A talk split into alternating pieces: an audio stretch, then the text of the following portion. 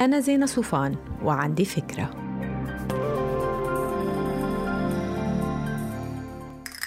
هاي ما في حدا فينا ما مرق بزماناته بموقف حدا قال له فيه أو هو قال فيه لحدا إنه ماشي بطريق مسدود لأنه القصة اللي عايشها هي قصة كلاسيكية اسمها حب من طرف واحد.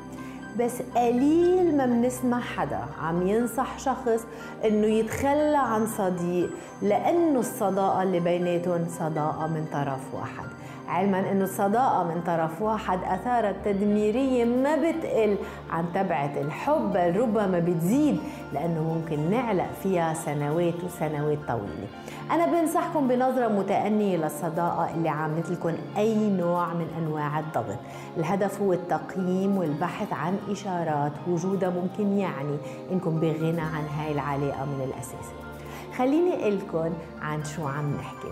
مرة أنا انتبهت إنه في صديقة بضلني بحكيها طمن عنها وعلى عائلتها لأنه في فترة كان عندها مشاكل.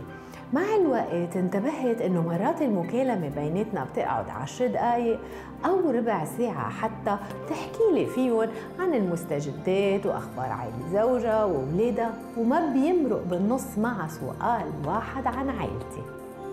اليوم الواحد لشو بده أصحاب؟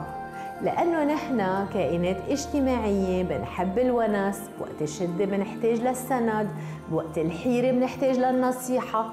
إذا الصداقة ما فيها تبادل لهاي الأدوار تتحول مع الوقت لعبء إضافي بحياتنا وتقل نفسي نحن بغنى عنه.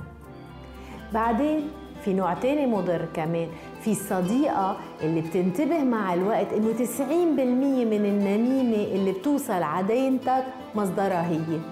بعد سنين طويلة على هيدا المنوال مع صديقة اللي ما بعرف ليه استغربت وانقهرت إنها طلعت عم تحكي علي.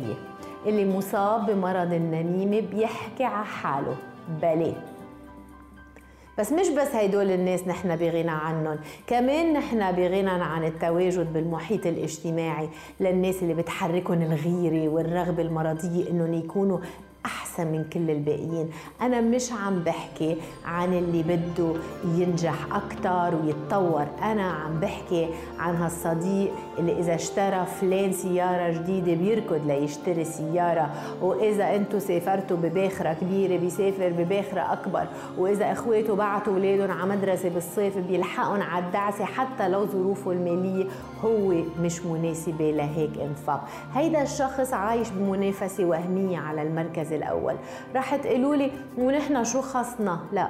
على فكرة أنا شفت هيدا المرض تبع المظاهر بالذات قديش معدي وكيف بيضرب شلل بأكملها. ابتعادنا عن هاي الأجواء وهالأصحاب بيوفر علينا إحباطات إضافية صدقوني ما إلى أي معنى.